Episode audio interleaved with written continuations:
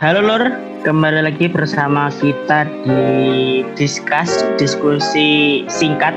Di edisi kedua ini kita akan mengupas tuntas dan membahas ringkas ya terkait dengan isu yang beredar di antara kita uh, tidak jauh-jauh dari COVID-19 ini ya. Jadi kita di sini akan membahas mengenai dampak COVID-19 ini di sektor pendidikan gitu. Lebih spesifik, lagi kita ambil mosi atau tema uh, pada kesempatan kali ini yakni pembelajaran online atau daring gitu. Nah itu apakah sebuah terobosan ataukah nanti justru menjadi beban? Nah, karena gini kan kita sudah uh, kurang lebih tiga pekan gitu kan ya.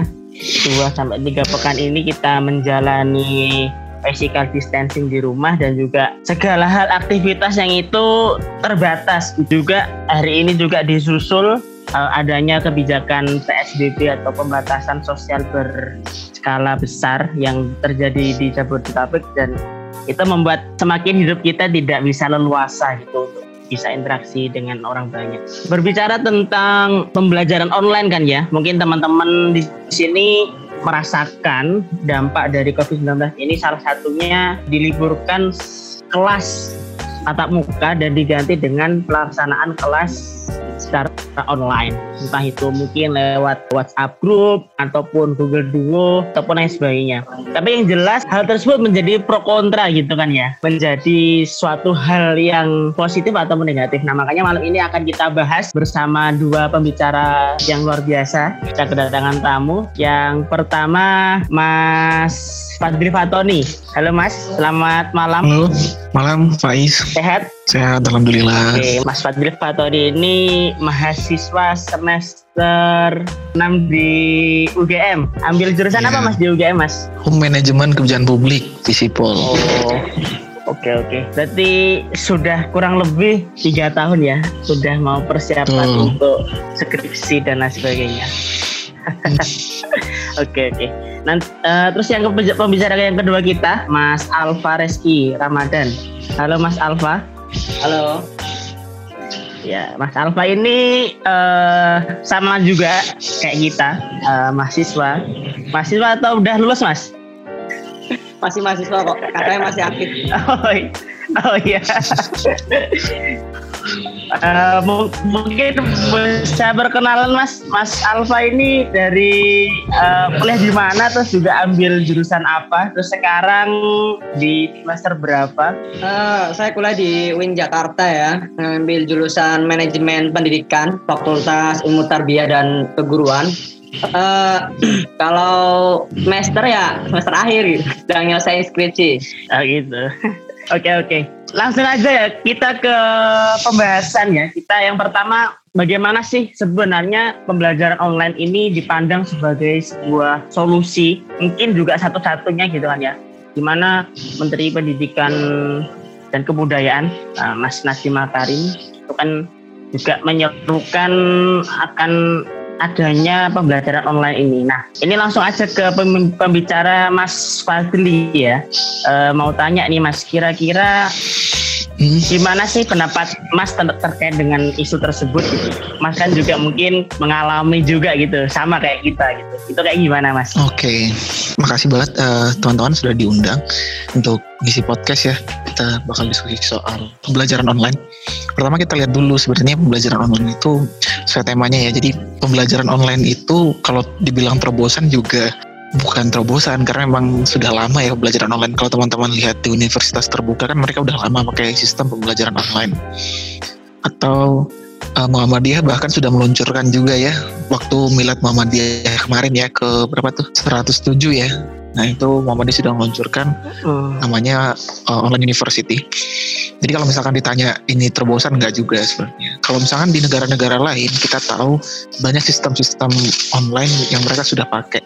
Karena memang kalau kita bicara soal era, maka eranya memang sekarang ini eranya online banget. Apalagi kalau teman-teman sudah masuk di era 4.0 kayak gitu. Jadi uh, semuanya udah serba online sebenarnya. Justru kalau misalkan prediksinya ya mungkin berapa tahun lagi mungkin universitas itu tanpa kelas sebenarnya. Jadi kita memang online terus sampai kapan pun gitu. Jadi nggak cuma corona sebenarnya. Kayak gitu. Nah kebetulan Indonesia belum melakukan itu. Dan tiba-tiba corona kayak gitu. Maksudnya ada kejadian uh, penyebaran uh, corona virus corona. Terus penyakitnya namanya COVID-19 akhirnya ya udah kita diterapkan namanya kelas online kayak gitu. Jadi semuanya dialihkan semua ke sistem daring. Sejauh ini seperti itu. Jadi uh, terobosannya Enggak juga sebenarnya karena memang udah lama orang-orang yang pakai sistem online kayak gini. Cuma sekarang karena memang lagi ada corona jadi semuanya harus online diseragamkan gitu sih. Oh iya, terus lanjut nih. Kayak gitu. Jadi memang ini adalah solusi alternatif karena ini memang paling cepat. Jadi kalau kita dalam kebijakan, kita sistemnya kan ada dua ya. Jadi kita namanya sekarang adalah incremental solution. Jadi solusinya memang harus responsif. Nah salah satunya kita bikin kelas online. Jadi ini bagus bagus kelas online menurut saya bagus. Karena memang kita juga belajarnya uh, di karena memang kampanye pemerintah di rumah aja ya kita harus memang harus belajar dari rumah. Cuma memang harus ada perbaikan sih di beberapa hal terutama terkait dengan akses internet kayak gitu. Apalagi teman-teman yang infrastruktur internet yang kurang memadai ya misalkan di daerah-daerah yang memang terpencil kayak gitu. Nah itu kan menyulitkan juga mereka untuk mengakses kayak gitu. Lebih tepatnya kayak gitu sih sebenarnya di bukan ya. terobosan sih. Menarik, sebenernya. menarik. Udah lama. Oke, okay, oke. Okay.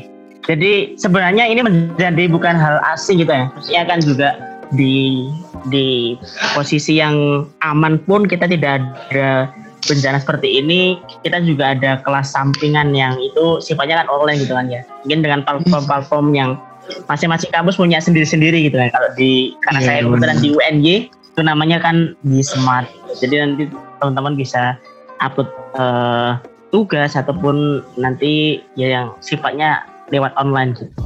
Uh, tapi tadi ada yang menarik ini Mas yang terkait dengan pencukupan kuota gitu ya. Salah satu infrastruktur yang mendukung pembelajaran online ini. Nah, kira-kira kan gini sih, maksudnya eh, nggak uh, semua mahasiswa atau siswa itu kan tinggal di daerah yang memang mudah menjangkau sinyal gitu kan.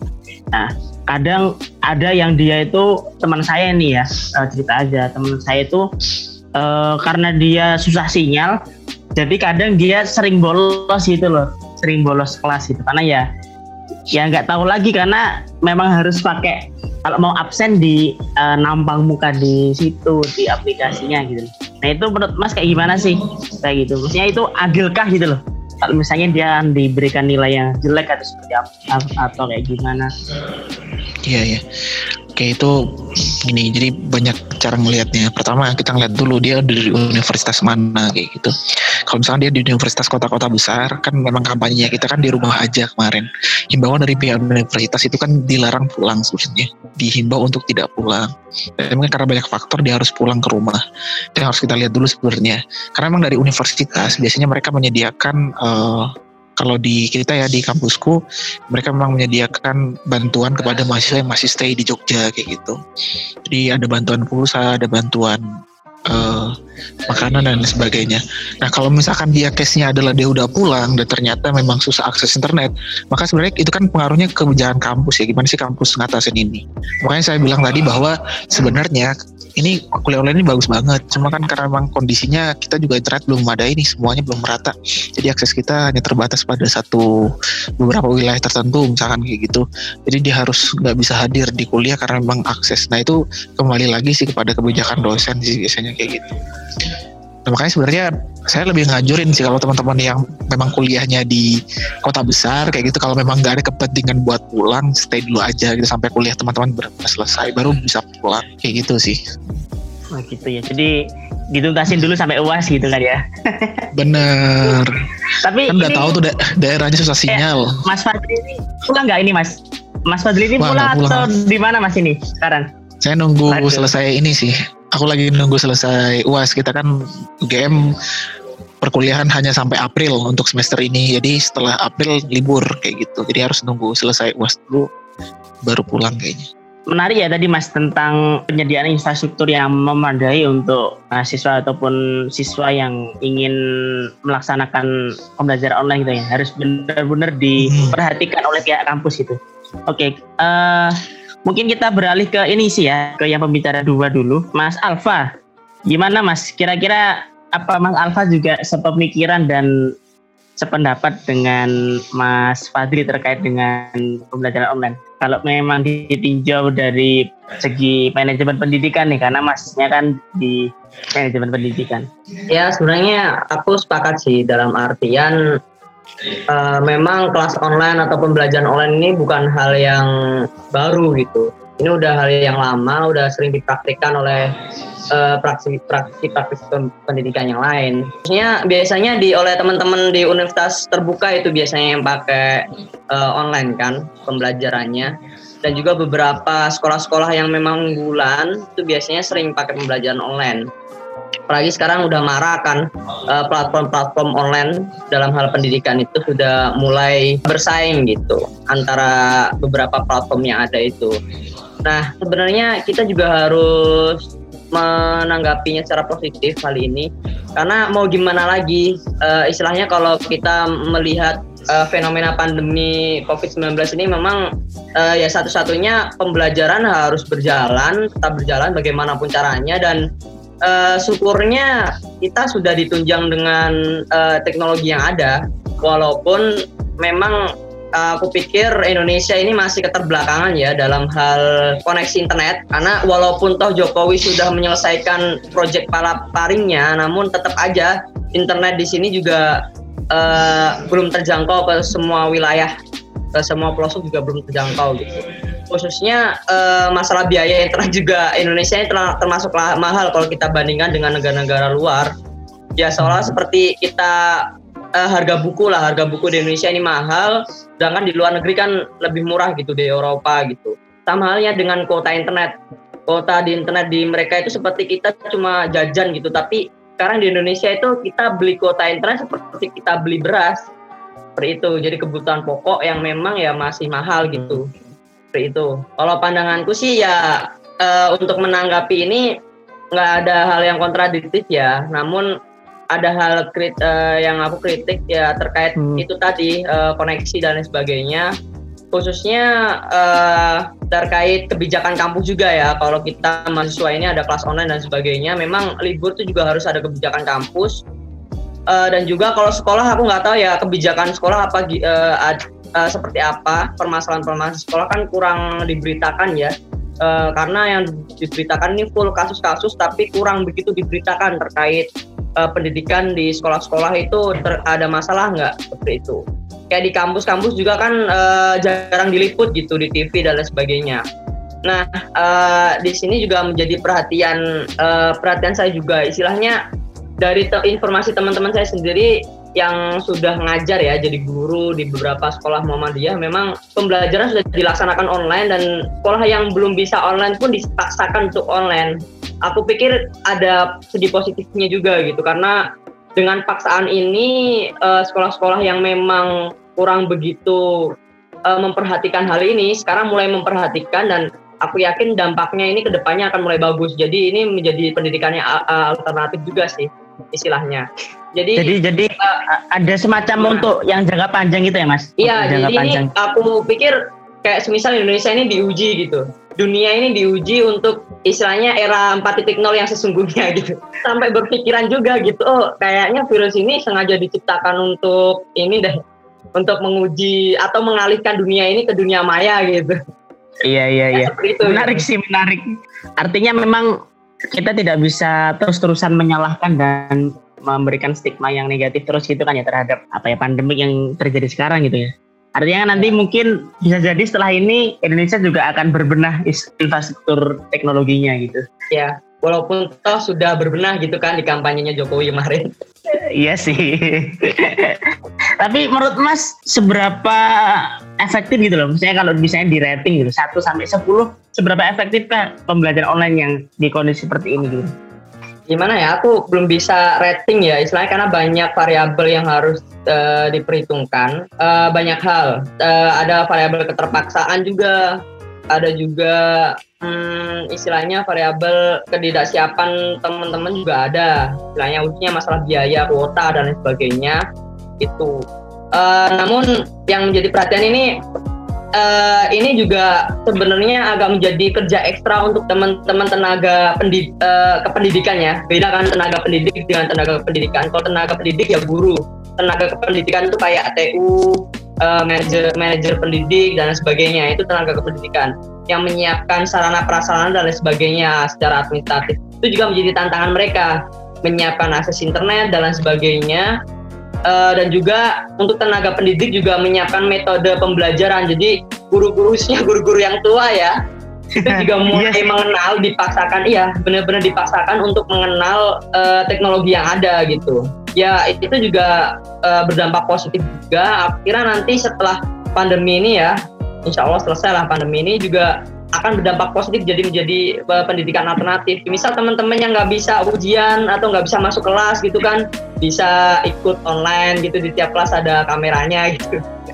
misal misal seperti itu gitu untuk teman-teman adik-adik yang di SMP, SMA atau SD gitu ya. Ya sih. Tapi tapi gini sih Mas, maksudnya aku juga ngerasain sih pembelajaran online ini kalau dari dosen itu ada yang memang uh, beliaunya itu sangat tanggap itu hanya ya buat uh, platform seperti Google Classroom terus nanti setiap minggu ada update materi tapi ada juga yang uh, dosen itu ngasih materi sabrek itu sekali pokoknya nanti ini selama pembelajaran nanti dikerjakan selama di rumah terus nanti dikumpulin pas besok masuk. Itu itu kayak gimana sih sebenarnya? Eh, kalau aku sendiri aku pribadi ya aku pribadi itu kayak ngerasa keberatan gitu loh eh, kalau ada yang dosen yang kedua tadi itu. Uh, kalau semisal melihat itu aku lihat di Win Jakarta sendiri ya. Di Win Jakarta itu memang aku udah nggak ada kelas ya udah setahun ini nggak ada kelas gitu. Uh, tinggal skripsian aja. Namun aku lihat dari uh, teman-teman dari adik-adik ini uh, yang sering main ke kosan gitu dan curhat dan lain sebagainya itu mereka memang di awal-awal pandemi ini di awal-awal pandemi di Indonesia ini emang uh, mereka pada mengeluh pas saat libur itu dan dilaksanakan kelas online karena full dosen itu cuma ngirim tugas tapi nggak ngasih pembelajaran nggak ngasih tidur dan sebagainya. Dan akhirnya kemarin juga sempat demo teman-teman uh, iya jadi teman-teman dema eh, universitas di UIN itu sampai dia uh, bikin surat aduan uh, istilahnya kayak petisi lah tanda tangannya teman-teman mahasiswa secara online tuh dikirimkan ke rektor dan dipublis. Setelah uh, setelah ada petisi itu, jadi rektor mulai memberi kebijakan dan dekan-dekan itu mengirim surat uh, ngirim surat resmi ya kepada dosen-dosen itu untuk memberi kemudahan, istilahnya uh, istilahnya memandang uh, aspek psikologis psikologis peserta didik lah aspek psikologis uh, mahasiswa juga. Jadi kebanyakan sekarang dilaksanakan ada kelas-kelas online di Zoom ada juga kelas online di Google Classroom dan sebagainya. Uh, kalau nggak salah karena Win Jakarta juga kerjasama sama Google, jadi full uh, fasilitas juga uh, kita pakai Google. Kalau nggak salah ada itu pakai Google karena aku sendiri juga belum bimbingan secara online ya. Jadi oh, belum gitu. merasakan gitu. Tapi kalau dari cerita dari teman-teman seperti itu, uh, aku pikir ini juga positif juga ya. Jadi khususnya aku pandang di teman-teman SD, SMP, SMA yang kebanyakan kelasnya itu ceramah ya. Jadi mulai karena pakai misalnya pakai Zoom gini, jadi dialog itu mulai di istilahnya dipergunakan. Jadi biasanya temen uh, guru-guru yang di kelas itu yang biasanya ceramah, tapi sekarang itu lebih dialogis, itu lebih bagus lagi gitu. Ya karena hmm, memang aku lihat pendidikan sekarang ya harus dialogis gitu. Oke okay, oke. Okay. Uh, menarik, menarik, menarik untuk diperbincangkan lagi. Dan tadi Mas Alfa men menyampaikan kalau ya. misalnya uh, untuk kebijakan uh, pembelajaran daring ini memberikan dampak positif kepada semuanya gitu kan. Maksudnya bukan hanya untuk guru ataupun ya istilahnya perangkat yang itu sebagai sebuah subjek gitu, tapi juga sebagai objeknya dalam hal ini mahasiswanya ataupun siswa itu uh, ada interaktif yang itu lebih mikir gitu kan ya. Maksudnya dia akan nanti ketika pembelajaran daring itu kan nanti ketika ada pertanyaan nanti dia langsung akan searching di Google ataupun di buku gitu. Artinya uh, daya kritis uh, mungkin setelah corona ini berhasil mungkin anak-anak Indonesia ini akan lebih, lebih kritis itu ya mas? Bisa jadi. Iya sebenarnya aku juga mendukung budaya nyontek ya. Istilahnya ujian tanpa kita menyontek itu menurutku juga gimana gitu. Karena semakin kita dikasih soal dan kita nyontek gitu itu akan semakin paham menurutku ya. Karena kalau kita dikasih soal itu ya teman-teman males aja gitu. Kalau udah selesai ujian ya soal-soalnya nggak bakal dibahas lagi. Teknisnya seperti itulah gitu. Makanya UN online juga bagus juga. Misal ya ujiannya open book gitu sih misal kayak kayak kuliah gitu. Jadi uh, itu akan uh, memantik daya kritis kita sebagai siswa gitu. Saat ada kita disajikan pertanyaan di situ kita Iya akan sih memang benar. uh, mulai tertantang untuk mencari jawaban dari pertanyaan itu gitu. Ini seperti itu. Uh, di saat kita kan seperti gini, UN itu kan seperti evaluasi. Makanya aku juga setuju setuju uh, gagasannya uh, Menteri Pendidikan juga ya, Nadiem juga ya. Nadiem bilang kalau UN akan diganti dengan assessment karena memang UN itu assessment gitu. Aku lihat UN itu hanya evaluasi di belakang untuk melihat bagaimana kemampuan siswa. Uh, siswa ini belajar sampai uh, sampai mana sih? Istilahnya hafal sampai mana sih gitu. Karena aku lihat UN itu kebanyakan hafalan-hafalan. Nah, selama ini kita dididik untuk menghafal, tapi kita nggak dididik untuk uh, mengembangkan nalar kita, itu. Karena saat kita di mahasiswa, itu bukan hanya hafalan ya yang dibutuhkan, tapi nalar untuk analisa itu yang sangat dibutuhkan. Dan teman-teman mahasiswa baru, khususnya aku sendiri ya, aku sendiri saat dulu jadi mahasiswa baru juga kesulitan untuk menganalisis namun uh, karena memang aku dididik jadi penghafal bukan analisis gitu. Menarik menarik.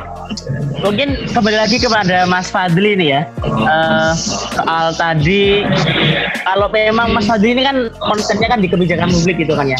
Artinya uh, bagaimana sih sebenarnya pembelajaran online ini kalau dihitung untung rugi deh mas untung rugi itu lebih condong ke mana gitu apakah condong ke untungnya ataukah di atau seperti apa mungkin Mas Fadli punya uh, pendapat lain mungkin Oh iya, benar. Uh, kita sebenarnya perbahasan yang paling bagus itu bahas tentang filosofi pendidikan sih bagusnya. Jadi kalau misalkan kita ya, kan kita dulu kan waktu SMA, kita kan juga belajar tentang ilmu guruan kayak gitu, tentang ilmu pendidikan lah istilahnya.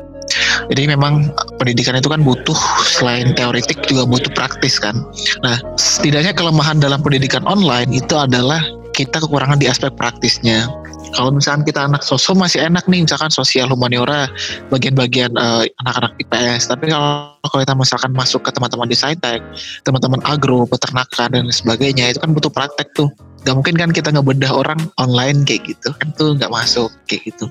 Jadi yang kita butuhkan sebenarnya dari sisi uh, praktisnya juga harus ada. Nah itu sebenarnya masukan secara umum untuk kuliah yang namanya online. Jadi kalau online itu kan hanya menggunakan dua indera ya indera penglihatan dan pendengaran kayak gitu. Nah tapi kan kita punya banyak indera kita punya lima indera kayak gitu. Jadi indera perasa terus indera peraba tambah lagi kita dengan indera penciuman kayak gitu. Nah itu yang kemudian harus dilatih lebih lanjut. Jadi itu kritiknya kita sebenarnya kritik pribadi maksudnya kuliah online ini efektif untuk saat ini tapi untuk beberapa hal praktek memang harus dilakukan di lapangan kayak gitu. Jadi nggak cukup hanya dengan kuliah online. Termasuk juga kan kalau sekarang kita di game kan mungkin bulan-bulan Juni Juli ada KKN ya. Itu kan KKN kan sebenarnya harus kuliah kerja uh, nyata ya. Jadi memang harus turun di masalah dan sebagainya. Sementara diganti dengan online sekarang sistemnya kita hanya mengolah data nanti eksekusinya mungkin di periode selanjutnya atau kemungkinan diserahkan kepada orang-orang di sana secara teknis. Jadi kalau misalkan kita kebijakannya kuliah online sebenarnya bagus karena memang alternatif solusi. Kalau memang dari segi kebijakan ini solusi yang uh, responsif karena mau tidak mau kita harus online. Tapi memang kalau dari segi filosofi pendidikan ya maka kemudian kita nggak dapet tuh bagian prakteknya. Kan kita akan semakin apa namanya kita tuh terbiasa karena kita praktek ya karena misalnya nanti kan kalau hal-hal yang teknis misalkan kayak kalian nanti di lapangan kan menemukan hal-hal yang sifatnya teknis itu kan memang harus praktek. Kalau kita nggak biasa kan nggak bisa gitu kayak itu sih. Itu untuk uh, pertama. Nah untuk untung ruginya kalau untuk untung ruginya apa nih pendekatannya? Kalau kita namanya kalau dalam kebijakan tuh namanya cost benefit analysis. Tapi itu kalau dari segi biaya aku nggak tahu ya kalau pertimbangannya gimana ya uh, kuliah online atau enggak. Tapi yang aku lihat misalkan gini kalau kuliah online ini kan uh, mahasiswa diberikan bantuan berupa uh, akses internet, data, kayak gitu, kuota. Kalau misalkan kuliah uh, offline itu kan uh, misalkan pihak sekolah harus menyediakan listrik gitu ya, ruangan. Perawatan ruangan dan sebagainya. Sebenarnya sama-sama imbang sih kalau dari segi cost benefit analisis kita nggak tahu secara detailnya ya. Tapi kalau misalnya kita lihat sekilas sama aja sih. Cuma pengalihan dari penggunaan kita selama di kelas kayak gitu itu dialihkan semua ke penggunaan kita di uh, online di luar kelas. Itu sih sebenarnya.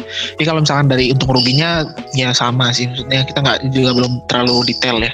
Tapi sejauh ini sudah bagus. Cuma itu tadi maksudnya kita butuh kalau kuliah online kita butuh juga diperhitungkan praktek-praktek yang lain. Uh, maksudnya memperhitungkan tentang praktek hal-hal praktek kayak gitu. Kalau kedokteran kan agak susah ya kalau mereka kuliah online hanya teori doang. Apalagi teman-teman uh, teknik kayak gitu kan mereka butuh praktek. Gitu.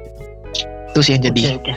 Uh, sedikit hal yang perlu diperbaiki ke depannya kayak gitu. Uh, berarti bisa dibilang gini sih mas, mahasiswa yang paling merugi di saat seperti ini adalah mahasiswa anak-anak yang dari saintek bisa dibilang gitu ya, kalau dibandingkan sama anak sosum. Iya bisa jadi, karena mereka kekurangan bagian praktiknya sih itu yang jelas. Terus gini mas, ini sebenarnya udah banyak sih uh, beberapa univ termasuk di kampus saya itu menuntut uh, ada keringanan UKT di semester depan. Karena uh, banyak kan dari orang tua ya beberapa orang tua dari mahasiswa atau mahasiswi itu kan dia bekerjanya kan harian gitu entah yang apa pun itulah pekerjaannya. Tapi yang jelas pembahasannya kan harian dan beberapa di dari BEM saya itu sudah memberikan beberapa narasi itu loh entah di media sosial ataupun berupa surat yang dikirim ke dekan bahwasanya meminta untuk keringanan UKT itu kayak gimana sih? Maksudnya perlukah ada penurunan UKT karena COVID-19 ini? Iya kalau UKT itu sebenarnya dananya kan dihimpun dari uh, sebenarnya itu kan di, dikembalikan ke fakultas ya. Karena memang fakultas yang mengelola dana itu sebenarnya dana uang kuliah kita bisa kebijakan per fakultas sih harusnya. Nah tapi kalau misalkan konteksnya sekarang kalau corona ya, kalau corona menurutku kan beberapa universitas juga memberikan bantuan logistik kepada mahasiswa yang masih berada di lingkungan sekitar kampus. Jadi kalau misalkan UKT uh, esensinya adalah subsidi silang, maka kemudian bagusnya subsidi silang UKT itu kemudian dialihkan ke bantuan logistik ke mahasiswa-mahasiswa yang masih ada di sekitar kampus. Karena mereka uh, apa namanya lebih butuh sebenarnya. Kalau kalian uh, udah pada pulang kan memang tanggung jawab orang tua kan di rumah kan kayak gitu. Apalagi kalau kita misalkan kuliah udah uh, sistem online dan sebagainya belum lagi ada bantuan pulsa dari ada bantuan kuota data dari universitas kayak gitu. Itu yang pertama kalau corona. Kalau misalkan nggak ada corona mungkin bisa dibalikin UKT aku nggak masalah sih. Karena memang ya udah kita kuliahnya lewat online. Tapi kalau memang corona saat ini memang situasinya adalah corona maka kayaknya kurang bagus juga deh uh, balikin UKT. Tapi bisa sih boleh sih. Itu tergantung tergantung pribadi ya. Kalau aku sendiri lebih baik dialihkan saja ke bantuan logistik ke teman-teman yang tidak bisa pulang nah, daripada kemudian uh, apalagi kalau kalau teman-teman yang mampu lah istilahnya minta keringanan UKT. Jadi memang ini perlu seperti pemilahan gitu ya. Maksudnya mana yang memang membutuhkan dan mana yang memang harus dibantu dan mana yang memang harus membantu gitu kan ya. Iya benar kan itu kan esensinya UKT kan kayak gitu. Betul sih. Dan sebenarnya gini sih maksudnya entah itu swasta kamu swasta ataupun negeri sebenarnya juga kalau dalam hal ini untuk SPP itu kan juga untuk gaji untuk apa ya untuk apa eh, perawatan infrastruktur kampus dan juga penambahan gaji untuk dosen. Karena itu kan nanti juga ada berapa persen untuk gaji dosen. Artinya juga kita bayar UKT juga dalam rangka untuk bagaimana stabilitas di sirkulasi keuangan di kampus tetap bisa karya gitu Mas Fadli. Iya benar. Jadi yang kalau teman-teman menuntut pengembalian UKT harus diseleksi lebih lanjut. Sebenarnya yang teman-teman mengajukan menuntut itu apa sih yang dibutuhkan? Jadi harus dipilah lebih baik sih kalau untuk kalau ada yang mau ngajuin penurunan UKT kayak gitu. Kalau teman-teman yang mampu ya nggak usah lah diturunin lebih baik UKT-nya dibantu logistik gitu. Jadi nanti jelas logistiknya dialihkan semua ke bantuan logistik. Orang-orang di sekitar kampus karyawan-karyawan kampus. Mereka kan uh, teman-teman satpam ya kawan-kawan kita yang bekerja di sektor informal satpam tendik kayak gitu. Mereka harus tetap stay di kampus. Jadi lebih baik dialihkan UKT yang kita ada di, dialihkan kepada orang-orang yang jauh lebih membutuhkan. Kalau misalkan pun mau minta pengembalian UKT ya ditetapkan syarat-syaratnya. Kayak yeah. gitu sih. Uh, dapat poin-poin utamanya sih mas. Maksudnya memang kita tidak bisa ataupun subsidi pulsa kuota dan kawan-kawannya itu karena memang kita nggak bisa apa ya dunia ini bukan hanya berputar untuk kita gitu kan ya. Bisa dibilang kayak gitu kan ya. Artinya memang kita betul betul-betul harus bisa bijak dalam ya menghadapi pandemi ini. Tapi kalau menurut Mas Fadli ya jadi kan Mas Fadli juga masih menjalani kuliah seperti biasa gitu ya. Lebih merasa enak online kayak gini atau yang hari biasa? Maksudnya cara pembelajaran eh, KBM biasa gitu. Lebih lebih enjoy mana kira-kira? Um, aku pribadi ya, kalau aku kayaknya lebih enjoy kuliah online. Sebenarnya karena kita nggak terlalu sibuk harus segera ke kampus, harus oh, macam-macam ya. Karena karena memang kalau lihat kuliah online itu kan tergantung ini juga pembelajarannya ya. Kalau di pembelajaran kuliah online itu kan teman-teman kan kayak gini kan ada nyalain kamera kayak gitu dan sebagainya itu biar dosen bisa ngelihat. Ada juga dosen yang nggak apa nggak mempersilahkan mahasiswanya untuk nyalain kamera atau lain sebagainya. Jadi kita bisa pergi, kita hidupin HP. Nah jadi menurutku uh, yang enaknya enaknya ini aja kalau gini aja kita lebih bagusnya bilang enaknya kuliah online dan tidak enaknya kuliah online. Enaknya kuliah online kita bebas okay, kita bisa santai kayak gitu nggak terlalu terbebani. Kuliah bisa sambil tiduran sambil rebahan gitu. Apalagi kameranya nggak dinyalain itu enaknya Iya sih benar. Jadi kayak podcast sambil tiduran kan. Nah dan dan apa ya? Aku juga melihat bahwa teman-temanku sendiri kalau ketika kuliah online mereka lebih antusias berpartisipasi sih. Apalagi misalkan ada yang mau ditanyain gitu. Biasanya banyak yang mengikut partisipasi. Gak tahu ini kenapa ya? Ini terjadi di tempat yang lain atau tidak? Tapi di tempatku di kelasku lebih banyak partisipasi untuk bertanya. Mungkin karena memang kalau mereka nanya langsung di kelas kan agak malu kali ya kalau di lewat ini kan mereka udah research dulu pertanyaannya kayak gitu. Jadi mereka langsung disampaikan. Yeah. Nah itu enaknya kalau nggak enaknya kalau nggak enaknya tuh kita nggak nggak bisa feedbacknya lebih sedikit karena memang terbatas oleh waktu. Feedback lebih sedikit karena kan memang ter terus koneksi juga kan koneksi internet juga kadang juga berpengaruh. Terus juga uh, apa ya manusia itu masih butuh hubungan sosial. Jadi interaksinya dosen tuh beda gitu. Jadi kalau teman-teman di kelas tuh dosen tuh kan bakal melihat kan oh kamu aktif. Terus dia bakal melihat oh mahasiswa ini uh, partisipasinya bagus dia aktif di kelas dia cara memperhatikan dosen dengan baik dan sebagainya. Itu kan ada poin plus sebenarnya dari dosennya. Itu nggak enaknya. Itu sih. Terus belum lagi kalau soal tugas-tugas ya. Sebenarnya kalau tugas-tugas kita sama sih. Tugas-tugas nggak terlalu memberatkan menurutku. Karena memang uh, dari kebijakan fakultas kan kalau misalkan ada dosen yang memberatkan dengan tugas-tugasnya maka kemudian silakan dilaporkan ke pihak fakultas. Jadi kalau ada ketahuan nih dosen banyak kasih tugas itu dilaporin aja ke fakultas. Kayak gitu. itu sih karena nggak enaknya kuliah online ya. Jadi lebih lebih apa ya mungkin emang lebih nggak enak lebih nggak enaknya iya mas. Karena kita juga nggak bisa ketemu sama teman-teman. Terus kita juga hmm. kalau pun mau diskusi kayak gini kita nggak nggak los lah gitu kan. Kita nggak iya, leluasa ya, untuk ngomong. Ya benar. Itu itu kelemahannya. Oke oke oke oke. Eh benar lagi gini ya. Uh, Mas Alfa, kira-kira gini Mas, tadi kan Mas bilang kalau misalnya untuk jangka panjang ini akan berapa positif kepada uh, mental anak ataupun mahasiswa yang ada di Indonesia ini karena dia lebih kritis dalam belajar gitu kan ya. Karena dia tadi kata Mas Fadri juga uh, ketika dia mencari sebuah jawaban itu based on research gitu kan ya. Ya, ya research di Google ataupun yang lain kita nggak tahu gitu kan ya. Artinya ketika dia ada pertanyaan yang di grup misalnya ada pembelajaran online dan ada di, di situ ada diskusi karena dia kan mencari dulu apa itu memang ketemu jawabannya Nah, menurut Mas Alfa nih, pembentukan psikologis yang memang uh, sesuai untuk pembelajaran online ini sebenarnya lebih banyak nanti ke penugasan-penugasan atau yang lebih sifatnya ke yang diskusi dan rutin setiap minggu? Atau yang seperti apa Mas Alfa? Uh, walaupun tadi misalnya argumen saya tadi baru uh, istilahnya hipotesa aja ya masih perlu dibuktikan. Kiranya uh, ada penelitian lah penelitian uh, terkait tadi ya. Kira-kira kalau teman-teman pakai online tuh lebih kritis apa enggak gitu? Dapat meningkatkan daya kritis apa tidak? Itu kan perlu penelitian gitu.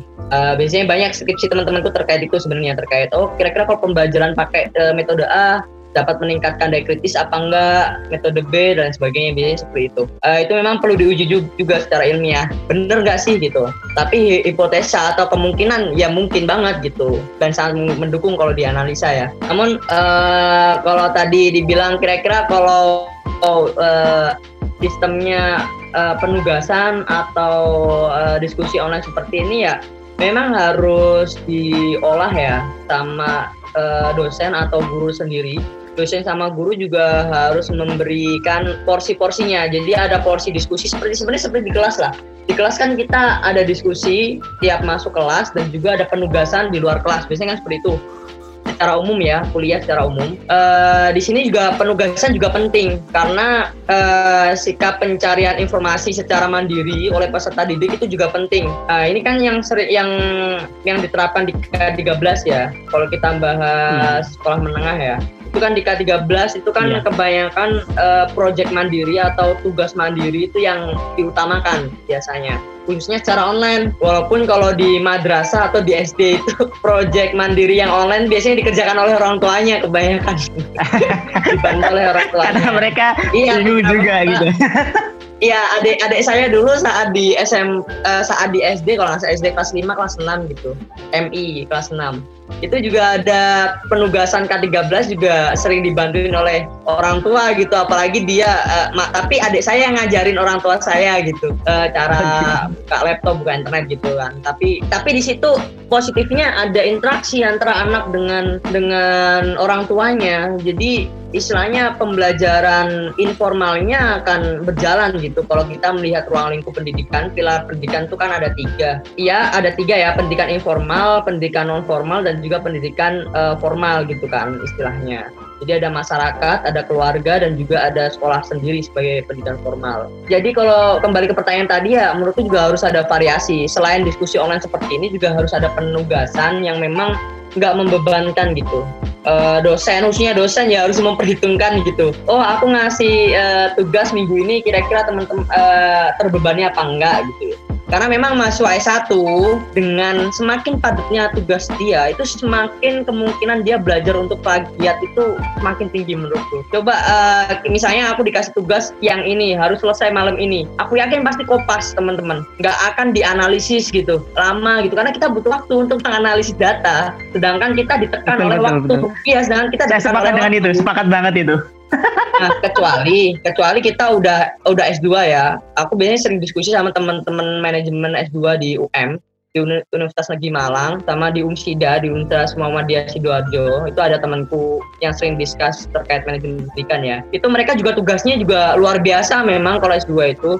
Lah kalau S2 memang nggak masalah karena memang mereka sudah dilatih oleh eh, dilatih untuk menganalisa dan daya baca sarjana atau pasca S1 itu daya bacanya itu lebih tinggi ya kalau kita belajar bahasa Indonesia itu. Eh, daripada mahasiswa S1 mahasiswa S2 itu ba- baca bukunya lebih cepat daripada mahasiswa S1 daya analisanya juga lebih tinggi. Eh, tapi kalau menurutku mahasiswa S1 ya belum perlulah kita menekan dengan tugas yang banyak dan lain sebagainya.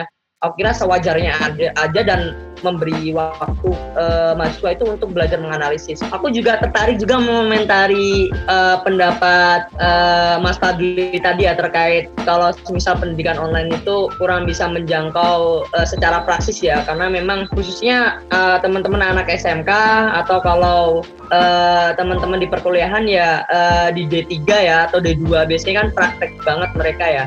Ya itu memang menjadi kekurangan teknologi sekarang karena sekarang virtual reality itu baru bisa diterapkan di dunia game. Aku eh, mulai membayangkan gitu bagaimana virtual reality itu atau VR itu bisa diterapkan di dunia di dunia pendidikan. Jadi misal kita mau trial and error gitu di dalam misalnya teman-teman eh, mahasiswa bio, mahasiswa kimia gitu. Pengen praktek terkait zat apa dan zat apa gitu. Jadi dia pakai VR gitu kan terus dia mulai mencampur adukan bahan-bahan kimia atau praktek apa gitu. Atau praktek fisika mahasiswa fisika pakai alat fisika gitu kan. Atau teman-teman mahasiswa kelistrikan. Atau mungkin teman-teman mahasiswa kedokteran semisal eh, pakai VR gitu. Dia eh, istilahnya praktikum eh, cara bedah apa gitu kan semisal aku membayangkan ke situ ya kalau melihat masa depan. Tapi teknologi sekarang kan belum nyampe ke situ gitu baru Iya sih, diuji coba eh, di dalam hal game ya tapi kalau melihat kemajuan pesat teknologi insya Allah kemungkinan bisa terjadi Tapi saya nangkep ini mas, maksudnya eh, dengan adanya pembatasannya sekarang, maksudnya orang akan lebih banyak di rumah dan akan lebih banyak untuk membuka HP dan laptop gitu kan. Otomatis dalam hal ini juga eh, mungkin orang juga akan cenderung ataupun juga masih cenderung untuk mencari info-info terkini. Sekalipun memang ada orang yang insecure gitu kan ya terhadap info-info COVID-19. Tapi terlepas dari itu semua, mungkin nggak sih orang Indonesia itu pasca COVID-19 ini akan lebih update dan akan lebih bisa karena mereka banyak merenung mungkin kan ya. Karena gabut merenung. Eh mungkin ada perbaikan yang akan lebih besar gitu eh, setelah ini. Mungkin nggak sih mas gitu Ehm, agak paradoks ya. Istilahnya memang dunia ini nggak akan terlepas dari paradoks yang ada. Pasti ada pro kontra pasti ada positif negatif. Uh, seolah-olah Tuhan menciptakan dunia itu itu kembar gitu.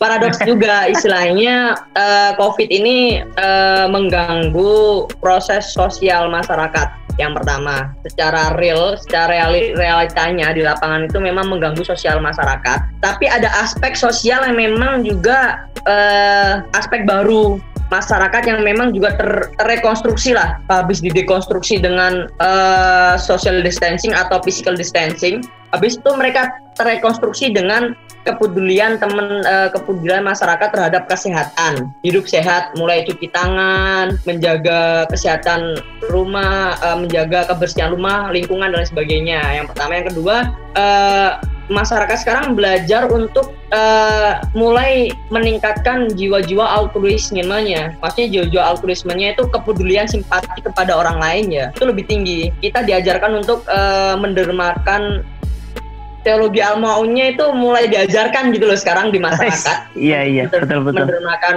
uh, hartanya untuk korban terdampak uh, COVID ya. Masyarakat terdampak bukan korban ya. Masyarakat terdampak COVID. Jadi artinya memang uh, mungkin ya, mungkin pas kayak ini sudah selesai gitu kan. 100% Indonesia aman dari COVID, uh, akankah kebiasaan yang saat ini dilakukan oleh masyarakat Indonesia, terutama mungkin juga di pembelajaran online gitu, dalam konteks sekarang kita temanya di pembelajaran online, itu akan terbawa lebih banyak banyak mana antara kebiasaan baik dan buruknya gitu kan? Uh, gimana ya? Aku kurang mungkin aku kurang bisa memprediksi itu ya. Uh, untuk membayangkan itu kayak aku harus meramalkan sesuatu yang memang susah diramalkan gitu. Uh, gimana ya tapi oh ya, aku memang aku ingin melanjutkan yang tadi gimana, gimana? selesai ya. Ada hal yang terputus tadi. Uh, istilahnya tadi kan di dalam realitanya masyarakat ya. Tapi ya memang benar kata Faiz tadi, uh, masyarakat sekarang diganalkan dengan dunia maya. Jadi masyarakat seperti dididik untuk mulai sadar. Bukan hanya dunia maya itu kalau masyarakat di desa-desa itu kebanyakan ya aku lihat remaja-remaja desa itu dunia maya itu seperti cuma dipakai untuk bikin TikTok, cuma dipakai untuk istilahnya sosial media itu cuma dipakai untuk seneng-seneng gitu mengumbar eh, istilahnya eh, diri ini ngapain aja gitu. Emang bagus ya istilahnya memperlihatkan eh, diri sendiri kepada orang lain gitu. Ini loh gua gitu di media sosial gitu. Karena tapi kalau kita masuk ke media sosial kayak sekarang kan sosial kita eh, interaksi sosial kita kan kayak se seolah-olah di pindah dari dunia nyata ke dunia maya. Sedangkan dunia maya ini dunia yang terbatas gitu. Dunia yang memang dikendalikan oleh orang yang membuat dunia maya. Kita ini dikendalikan oleh algoritma algoritma algoritma dunia maya gitu. Kayak misal kita pakai Zoom, kita nggak bisa ini, kita nggak bisa itu, kita terbatas dengan ini, kita terbatas dengan itu. Sedangkan di dunia uh, nyata itu ya yang membatasi ya memang sunatullah gitu. Maksudnya membatasi ya ya ya hukum alam gitu ya. Dunia nyata itu lebih luas daripada dunia maya. Ya, karena memang dunia maya itu kita dibatasi oleh algoritma. Kita mau mencari informasi aja dipermainkan kok sama algoritma. Kita uh, buka Facebook, uh, bukan misalnya kita buka Instagram, Instagram aku misal dulu ya, sama Instagram Instagram temenku itu udah beda. Saat misalnya dulu uh, waktunya kampanye, eh waktunya pilpres ya, aku mendukung 02 semisal, dan temenku itu mendukung 01 semisal. Itu Instagram kita itu udah berbeda isinya, walaupun kita membuka sama-sama buka dan kita nggak ngetik apa-apa. Jadi kita udah di uh, istilahnya diatur informasi kita pun udah di, diatur oleh oleh algoritma di dalam dunia maya itu sih Is. Iya betul betul. Jadi artinya memang uh, kita saat ini bisa jadi juga secara tidak langsung dijajah oleh dunia maya gitu ya, selama kita physical distancing tetap di rumah aja gitu. Iya. Oke, okay. karena ini mungkin karena waktu juga semakin berjalan ya, artinya durasinya memang segera lagi habis kita mungkin masuk ke akhir atau di closing statement gitu kan ya. Mungkin uh, dimulai dari Mas Fadli mungkin ingin menyampaikan di closing statement ini kira-kira apa sih yang yang saat ini betul-betul uh, hal yang paling produktif ataupun yang bermanfaat untuk ya kita kita kaum milenial gitu kan. Sama dalam hal ini di pembelajaran online ini apakah memang untuk sampai akhir pandemi ini kita itu harus seperti apa gitu loh sampai dengan besok menyiapkan di setelah pasca ini. Mungkin Mas Fadli bisa ngasih closing statementnya. Oke, okay, tadi sebelum masuk ke situ aku pengen nyampain sesuatu dulu uh, sebelum ini ya. Nah, dalam kuliah online ini kita akan banyak pakai aplikasi ya. Nah pemerintah kemudian aku uh, sedikit ini, maksudnya ke pemerintahnya dulu ya. Uh, pemerintah harusnya sekarang itu berani untuk menjamin keamanan data dari pengguna uh, sosial media atau pengguna kelas online. Contoh kita pakai aplikasi Zoom hari ini. Nah teman-teman nge-record kan sekarang nge-recording. Nah itu recording teman-teman kan diupload ke cloud uh, save-nya gitu ya. Nah nanti di komputasi di komputasi awannya ya. Nah nanti itu kan kalau Zoom kemarin kan kena kasus gara-gara bisa diakses di Google ternyata hasil dari berbagai meetingnya orang-orang yang disimpan di Zoom kayak gitu. Nah kemudian pemerintah harus pertama pemerintah juga kalau misalnya terapin uh, selama kelas online ini harus memastikan setiap penggunaan dari aplikasi-aplikasi kelas online itu keamanan data kita terjamin. Itu yang perlu buat pemerintah. Yang kedua kita buat teman-teman uh, yang jadi mahasiswa siswa sekarang ya. Uh, sekarang kita buktikan kesiapan kita. Sebenarnya COVID juga menguji kita untuk kelas online, untuk penggunaan gimana sih sejauh ini penggunaan kita terhadap uh, apa namanya dunia internet kayak gitu. Jadi sejauh apa kita menggunakan internet itu dengan baik kayak gitu. Jadi selama COVID ini manfaatkanlah internet itu dengan sebaik-baik mungkin, mencari semua informasi, ikut kelas online, ikut berbagai kelas online tambahan di luar kampus kayak gitu. Nah, itu kemudian memberikan teman-teman banyak informasi. Atau juga sekarang banyak konferensi-konferensi yang sifatnya online juga. Jadi ikut banyak kegiatan selama online ini. Selain itu juga teman-teman harus uh, apa ya memperbaiki misalnya kalau teman-teman selama kuliah kurang aktivitas yang uh, sifatnya akademik misalnya terlalu banyak kegiatan organisasi dan sebagainya. Nah selama online ini manfaatkan uh, aktivitas yang tadinya digunakan untuk organisasi ketemu langsung itu dengan aktivitas-aktivitas yang lain yang itu bisa meningkatkan nalar kritis atau bisa meningkatkan pemahaman terhadap uh, sesuatu. Gitu. dengan caranya apa? Dengan banyak baca dengan banyak ikut kegiatan dan sebagainya. Itu sih. Nah kita juga banyak uh, untuk mahasiswa uh, bagusnya untuk sekarang kita selain melakukan physical distancing kita juga ikut membantu pemerintah uh, menyelesaikan corona melawan corona ini. Jadi silakan lakukan pengabdian entah itu bentuknya nanti kita banyak melakukan donasi atau kemudian kita juga melakukan kampanye-kampanye lakukan sebisa kita untuk kemudian menekan angka peningkatan dari jumlah orang-orang terpapar dari virus corona. Itu sih untuk untuk uh, mahasiswa ya untuk kita sih untuk kita anak, -anak muda. Gimana caranya kita sekarang bantu pemerintah menyelesaikan itu? Kan kita udah lihat kan banyak kan kayak dokter Tirta dan lain sebagainya ada Mas Fatur dan sebagainya sebagainya juga uh, membantu pemerintah, selebgram dan lain sebagainya, mereka ikut kampanye, donasi dan sebagainya. Nah, kita sebagai anak muda juga setidaknya harus bantu turun lapangan selama penanganan COVID ini. Gitu. Itu sih, Wi. Kesimpulannya sebenarnya. Oke oke, artinya memang kita harus juga andil berkontribusi gitu Jangan cuma kita sekedar hmm. ngomong aja di sosmed uh, nyala-nyalain pemerintah gitu kan ya. Iya. Yeah, siap. Oke. Oke. Kalau Mas Alfa gimana Mas kira-kira Mas? Uh, uh, di sini memang aku juga ingin menghimbau ke teman-teman yang memang masih mampu ya uh, untuk uh, membantu teman-temannya yang lain ya uh, dipersilahkan gitu. Dalam artian ini adalah momen uh, teman-teman diuji jiwa-jiwa kepeduliannya. Dan uh, memang kalau kita mengandalkan pemerintah sendiri memang nggak nggak cukup ya. Kita juga harus uh, istilahnya gotong royong. Masyarakat Indonesia ini juga harus benar-benar menyikapinya dengan bijak. Minimal minimal ya menjaga diri sendiri uh, menjaga kesehatannya dan uh, mematuhi himbauan dari dari pemerintah istilahnya karena aku memang aku di sini juga agak was-was ya istilahnya di tempat ini juga satu kilometer dari aku jauh udah ada yang positif gitu. Dan aku mau keluar kosan juga susah gitu istilahnya karena pintu segala pintu di satu RT ini udah ditutup semua udah satu pintu semua. Di saat aku harus keluar masuk RT itu juga udah disemprot gitu sama disinfektan gitu. Walaupun seharusnya disinfektan itu eh, nggak uh, disemprot ke badan manusia tapi tapi masyarakat di sini malah aneh gitu malah badannya yang disemprotin kan aneh gitu. Soalnya apa yang akan dipegang gitu kan yang disemprot ya aku pengen pengen mengbuat teman-teman uh, untuk mahasiswa sendiri aku yakin mahasiswa bisa mahasiswa pintar untuk memilih dan memilah informasi yang bagus, informasi yang benar. Uh, jangan mudah untuk terpengaruh dengan informasi dan jangan mudah untuk share share info, informasi yang memang belum tentu benar adanya. Itu sih karena memang selain uh, selain pandemi ini juga informasi yang nggak benar itu banyak sekali yang memang menyesatkan masyarakat dan ini akan menjadikan hal yang memang nggak efektif gitu pada kepada masyarakat untuk menghindari virus ini. Itu sih, Ais. Jadi uh, aku ucapkan juga selamat untuk teman-teman yang lulus uh, SBMPTN dan PAN ya kalau nggak salah PAN hari ini kalau nggak salah pengumumannya dan juga teman-teman uh, SBMPTN kemarin. Selamat yang yang lolos dan juga yang belum lolos dicoba lagi masih banyak jalur. Itu aja Pak Is. Uh, Malik sama Gusa, monggo kalau ada yang mau disampaikan.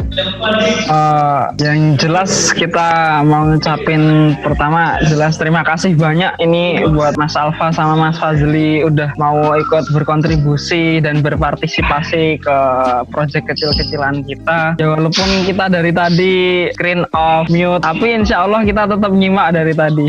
nah, ya ya biar nggak nggak banyak apa distraksi makanya screen kita off, kita mute biar lebih terfokus. Siap. Ada mau disampaikan kan?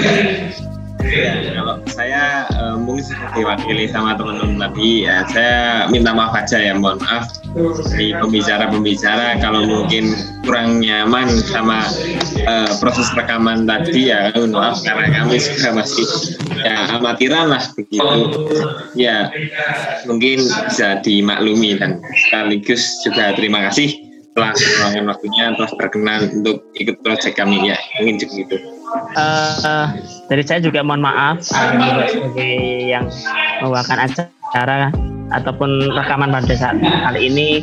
Uh, banyak ngalor ngidulnya mungkin ataupun tidak langsung poin. Artinya juga sama-sama belajar itu ya. Artinya kita berharap dengan adanya podcast ini kita juga bisa mengedukasi gitu loh. Ya siapa pun itu yang mendengar podcast ini akan teredukasi biar ya ada sesuatu yang didengar dan yang berfaedah gitu lah. Uh, dan sekali lagi terima kasih kepada Mas Alfa dan Mas Fadli sudah menyempatkan waktu. Oke. Okay. Kita tunggu mungkin di lain waktu atau di lain kesempatan nanti kita diskusi selanjutnya Mas. Boleh, boleh, boleh. Ya, Kabar-kabarin aja, Faiz. Oke, oke.